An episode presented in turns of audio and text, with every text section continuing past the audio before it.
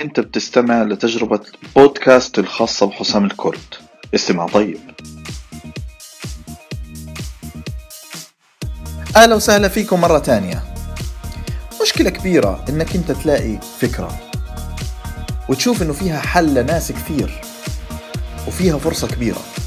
ولكن لما تيجي أنت بدك تبني هذه الفكرة أو المنتج بتوقف للحظة بتقول أنا من وين بلاقي تمويل لهذه الفكرة؟ من وين بدي أأمن رواتب الناس اللي بدهم يشتغلوا معايا؟ من وين بدي أسوق لهذه الفكرة؟ من وين بدي أسجل هذه الشركة بشكل رسمي؟ من وين من وين من وين؟ وأسئلة كثير عن التكاليف والحاجة للتمويل في المرحلة الأولى. وممكن إنك أنت تسعى في وقت طويل علشان أنت تلاقي رأس مال وممكن ما تلاقيهوش. وممكن إنك أنت تتناسى الموضوع هذا وتسيب وتقول أنا في يوم من الأيام ممكن أأمن دخل معين ممكن أجيب فلوس معينة وبالآخر أبلش هذه الفكرة. وبعد أيام طويلة وقد تتعدى السنوات بتلاقي إنه نفس الفكرة تبعتك معمولها حل وإنه ناس حلوا هذه المشكلة وبتصير تقول يا هذه الفكرة أنا في يوم من الأيام فكرت فيها وكنت ناوي أعملها. ليش ما عملتها؟ هذا البودكاست علشان هذا الموضوع كيف تبني منتجك التقني بدون مستثمر؟ وهل هي فكرة منيحة ولا سيئة؟ إنك أنت تطلب تمويل في الفترة الأولى لما تيجي تبني الفكرة تبعتك. أنا حسام الكرد وهذه خبرة عمل بودكاست جديد. يلا معانا. في عناصر كتير لنجاح أي startup أو منتج. وكاد أجزم أنه واحدة من أهم العناصر بل يكاد يكون العنصر الأهم في نجاح أي ستارت أب أو منتج هو عنصر التوقيت أنت لما طيب. تطلق المنتج الصح في المكان الصح في الوقت الصح فرصته إنه ينجح هو فرصة كبيرة مقارنة بإنك أنت تيجي تطلق منتج أو خدمة في وقت خطأ التوقيت ممكن يكون إنه أنت تطلق المنتج أو الخدمة هذه وقت خطأ قبل ما الناس تعرف أصلا عن الثقافة بتاعت المنتج أو استخدام الخدمة هذه وبالتالي انت تصرف مصاري كثير وفلوس كثير في مسألة التوعية وهذه المسألة لها علاقة بمدى معرفتك بالمشكلة ومدى معرفتك ب... وإحساسك بإنه هذه فعلا مشكلة حقيقية. ويمكن البودكاست اللي قدمته في موضوع إنه أنت كيف تتحقق من الفكرة تبعتك بيساعدك كثير في هذا الموضوع ممكن ترجع له. لكن ممكن كمان إنك أنت تسيب الفكرة هذه و لوقت طويل وتلاقي إنه في حلول والناس تبدأ تتقبلها وتيجي لما تيجي تطبق الفكرة تبعتك بتلاقي إنه الناس أو السوق اكتفى من الحلول الموجودة فيه ومش محتاج إنه إضافة منك في هذه المسألة. وبالتالي أنت لو فعلا عارف مشكلة وعارف إنه هي بتحل مشكلة كبيرة عند الناس وفيها فرصة كبيرة وشايف إنه هذا التوقيت المناسب هذا التوقيت الصح إنك أنت تبني وتطلق الخدمة هذه أو المنتج. لشريحة صغيرة من الناس لشريحة كبيرة. انت عارف المشكلة وشايف فيها فرصة بشكل أو بآخر. صحيح إنه التمويل واحدة من التحديات اللي بتواجهك انت لما تيجي تبني هذا المنتج لكن هو مش النقطة الرئيسية في المنتج. هو واحدة من التحديات غير وفي تحديات كتير قد تكون أصعب منه ولكن هو تحدي وضروري إنك انت تتجاوزه بطريقة أو بأخرى. طبعا الآن الفكرة السائدة هي إنك أنت تطلب تمويل أولي سواء إنك أنت تدخل في حاضنات أعمال أو إنك أنت تروح لصناديق استثمار أو تروح لأنجل انفستورز أو خلينا نحكي المستثمرين هذول الأوليين معك في طرق مختلفة إنك أنت تطلب التمويل بشكل أولي. وأنا على قناعة تامة إنك أنت مش لازم تطلب تمويل في المرحلة الأولى من أعدادك للمنتج تبعك. لأسباب عديدة أنا حابب أحكيها. فكرة إنك أنت تطلب تمويل في المرحلة الأولى هي فكرة إلى حد ما سيئة. لأنه يمكن أغلب اللي بيطلبوا فلوس في المرحلة الأولى هم جايين من إنه فكرة الإيكو سيستم المنتشرة من وراء الشركات العملاقة اللي بدأت من الكراج أو بدأت من أماكن صغيرة ومن ثم صارت آه، شركات عملاقة جدا. وطبعا ال ecosystem تبعها بنى culture آه، وثقافة عند رياديين الأعمال إنه هذا الطريق الصح. علشان أنت تنجح وتصل لشركة كبيرة جدا لازم تدخل في هذا الطريق. ولكن أكاد أكون أجزم إنه نسبة الناس اللي بياخذوا fund لا تتعدى الواحد في المية لاثنين في المية من الناس اللي بيطلبوا استثمار من صناديق الاستثمار ونحوها. غير إنهم بيصرفوا وقت وجهد طويل جدا في إنهم يعملوا تمويل لنفسهم. طبعا في حالات شاذة معينة. أنا بحكي عن ال- عن الحالة العامة. إنه واحد مش معروف مثلا في السوق لكن هو عارف هو بحل المشكلة وجاي يطلب أه، استثمار بشكل طبيعي. الشغلة الثانية إنه غير إنه هي بتكلفك وقت لتمول الفكرة تبعتك وإنك تقنع ناس إنهم يدخلوا معك أنت بتخش في شروط مجحفة في حق ال startup تبعك. سواء إنهم بياخذوا نسبة كبيرة منك أو أو في عندك شروط آه، يعني صعبة وهذا بقيد حريتك إلى حد كبير في إنك أنت تعمل منتج الشغلة الثالثة إنه ال focus بصير على مش بناء المنتج نفسه بصير أو حل المشكلة بصير ال focus على إنك أنت كيف تلاقي طريقة إنك أنت تحصل دورات استثمار جاية. في businesses كتير بتكون وهمية فعليا هدفها جلب استثمارات مش إنه هي فعليا بتحل مشكلة على الأرض. لأنه القيمة الحقيقية هي وجود customer أو زبون حقيقي بلمس الحاجة وبدفع مقابل الخدمة أو المنتج اللي أنت بتقدمه له هذه القيمة الحقيقية هي القيمة الفعلية لأنك أنت بتبني أي منتج. مهما عملت raise ل capital هو مش دليل على نجاح المنتج تبعك. هو قد يكون دليل على قدرتك في إنك تقدر تمول نفسك لكنه مش مش فعليا بيعكس الحاجة الفعلية للناس على الأرض. وفي وقت من الأوقات ممكن هذه الشركة تكبر كتير وأنت تضطر في الآخر إنه هذه الشركة تفشل فشل ذريع وتتكلف قضايا و و والى آخره من هذه الأشياء. وفي نماذج كتير تشهد هذا الموضوع في عصرنا الحالي. الأغلب ما بيحصلوا أصلا الموضوع هذا وبيدخلوا في وقت طويل هم بيصرفوه في إنهم يطلبوا تمويل. علشان هيك أنت لما تروح لأي مستثمر بروح له كملك. هو حاجته لإلك لا تقل عن حاجتك له يعني لازم على الأقل أن تكون الكفة متساوية. مش إنه هو أنت في حاجته جدا وواقف مشروعك عليه وتيجي تطلب منه الفلوس هذه. وكتير أسئلة بتجيني. حسام أنتوا كيف مولتوا نفسكم عشان تبنوا منتجات أنتوا كيف بتبنوا المنتجات هذه؟ هل حصلتوا على تمويل؟ من وين جبتوا فلوس عشان تكبروا المنتجات وتطوروها؟ والحقيقة إنه إحنا من أول ما بدينا الرحلة تبعتنا إحنا عمرنا ما فكرنا على عنصر التمويل. كانت الفكرة تبعتنا كيف نبني المنتج كيف نطوره كيف نوصله للسوق كيف نوصله للناس. التركيز تبعنا دائما على الكاستمر الكاستمر الكاستمر. شو بيطلب كيف ممكن نحن نوسع الأمور معاه. و- وطريقة تمويلنا لذاتنا اتبعناها من خلال الكاستمر. وأنا هنا جاي أتكلم عن نماذج بتساعدك إنك أنت تبني المنتج تبعك بدون ما أنت تروح للمستثمر. وفعليا بتعكس قيمة حقيقية. هل المنتج تبعك أصلا محتاج السوق؟ هل هو فعلا حاجة حقيقية وماسة عند الناس إنهم يستعملوه؟ هتكلم عن النماذج اللي ممكن من خلالها أنت تبني المنتج تبعك أو تموله من خلال الزبون مباشرة دون الحاجة لمستثمر خارجي في فترة الإنشاء الأولية على الأقل. هذه النماذج هي خمس نماذج. هستعرضها بشكل سريع. وبعدين هحكي عن كل واحد بمثال علشان تتضح الفكرة من وراه أول نموذج اللي هو نموذج عمل الدفع المسبق أو ال prepaid business model النموذج الثاني الاشتراك الشهري أو السنوي اللي هو الاشتراك الدوري وهو subscription business model النموذج الثالث الخدمة من خدمة لمنتج اللي هي service to product business model النموذج نموذج الندرة أو ال scarcity business model والنموذج الأخير اللي هو نموذج ال platform or matchmaking business model. يبقى عندنا خمسة business models ممكن إحنا من خلالهم نطبقهم ونحصل على تمويل خلال ال customer نموذج الدفع المسبق نموذج الاشتراك الدوري نموذج الندرة نموذج المنصة ونموذج بناء المنتج من خلال الخدمة. نبدأ في أول منتج سريعا اللي هو نموذج الدفع المسبق أو ال advance payment أو ال prepayment business model وفكرته ببساطة إنه أنت تتحصل على فلوس من خلال الزبون قبل ما أصلا توصل له الخدمة. أو المنتج. بمعنى أنك أنت مثلا لو كنت consultant مثلا بتروح بتقدم استشارات بتروح بتاخذ فلوس قبل ما تقدم ال consultation تبعك. أو إنه أنت بدك تبني له خدمة معينة أو منتج معين بتقول له إنه ادفع لي مسبقا قبل ما أبني هذا الإشي.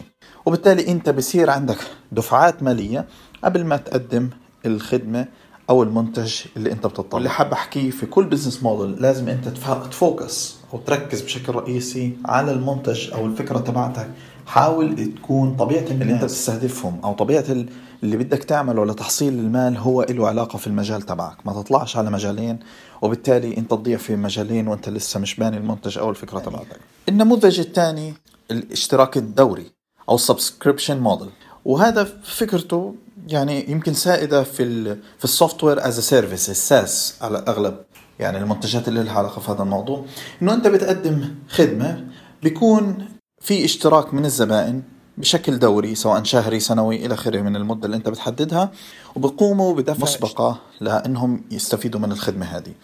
طبعا هذا كتير ورائع الموديل لأنه بديك expectation بديك توقعات إنه كيف حتتدفق عندك الفلوس الشهر الجاي لأنك انت ضامن لحد كبير إنه ال subscription هيضله فترة طويلة معك.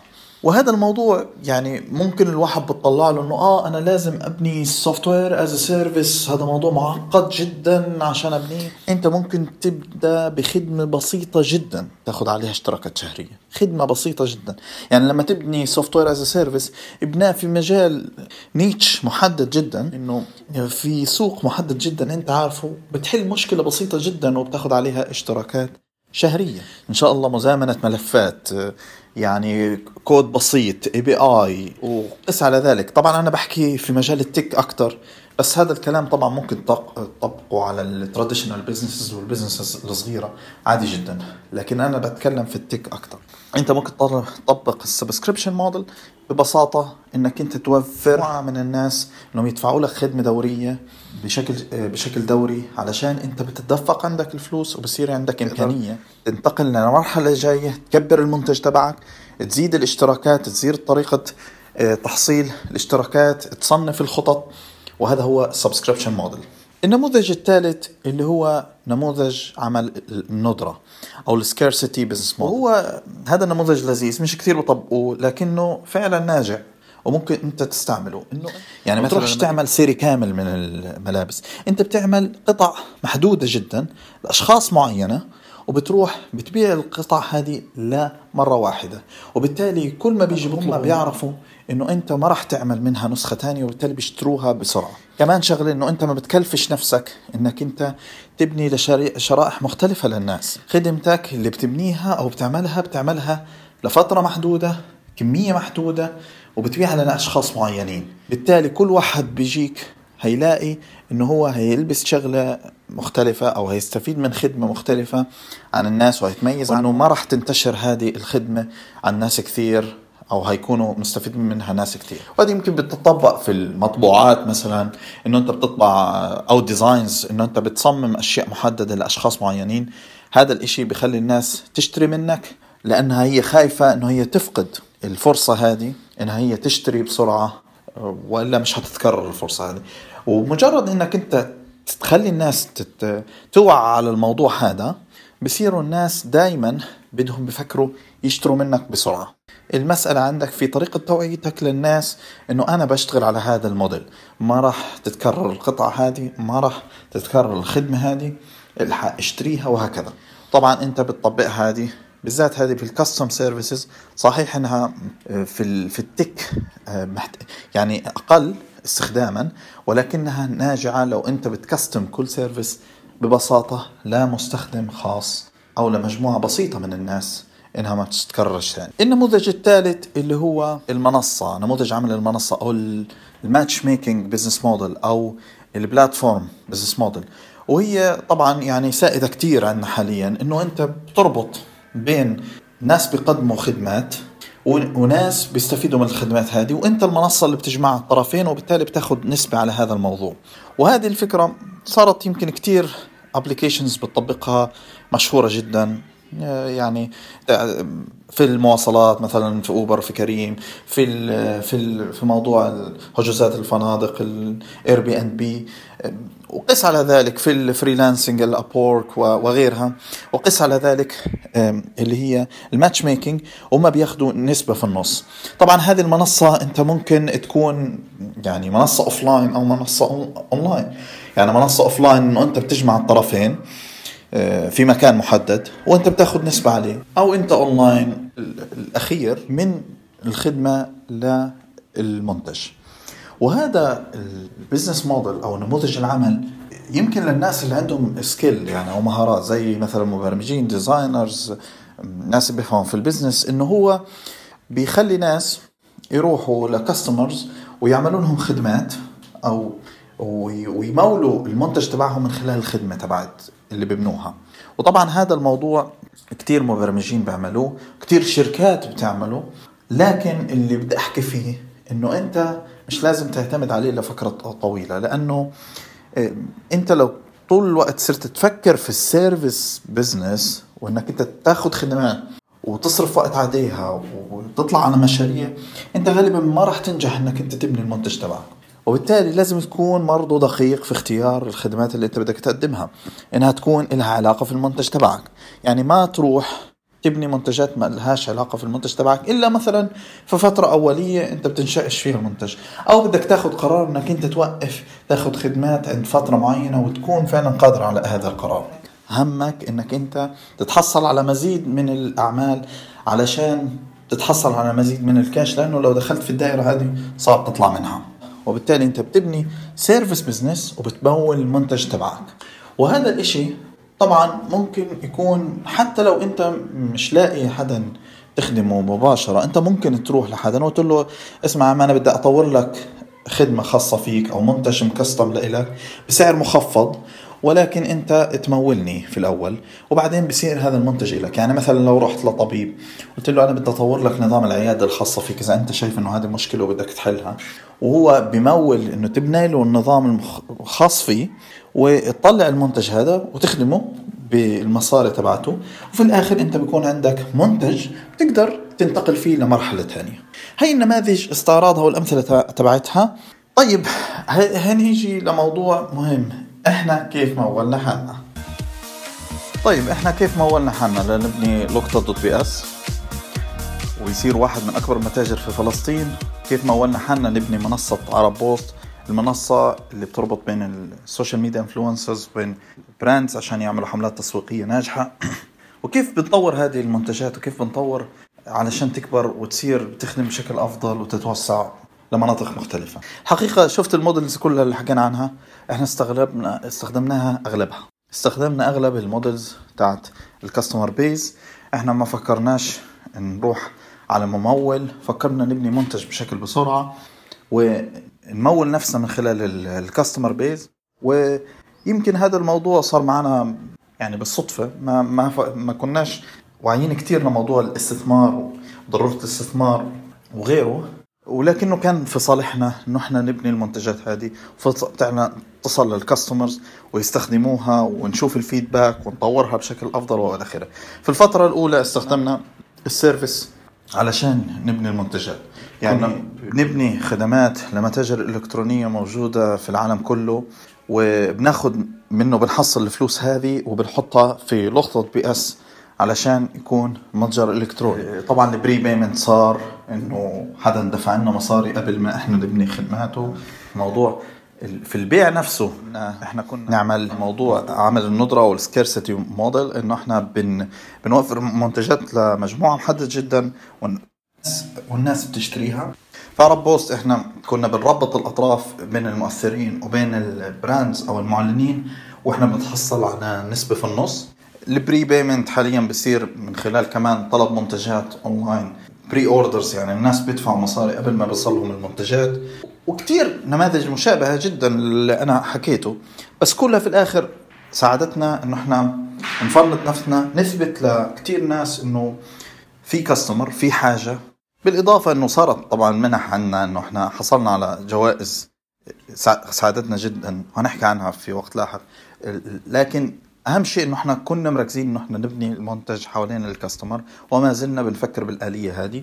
وهذه خلاصة خبرة العمل حبيت أشاركها معاكم أتمنى كلكم تحققوا أحلامكم وتبنوا منتجاتكم اللي بتفكروا فيها وتكون فعلا حل لمشاكل لعالم أفضل. وتذكروا دائما إنه المستثمر بحاجتك زي ما أنت بحاجته. تحياتي ونشوفكم بودكاست ثاني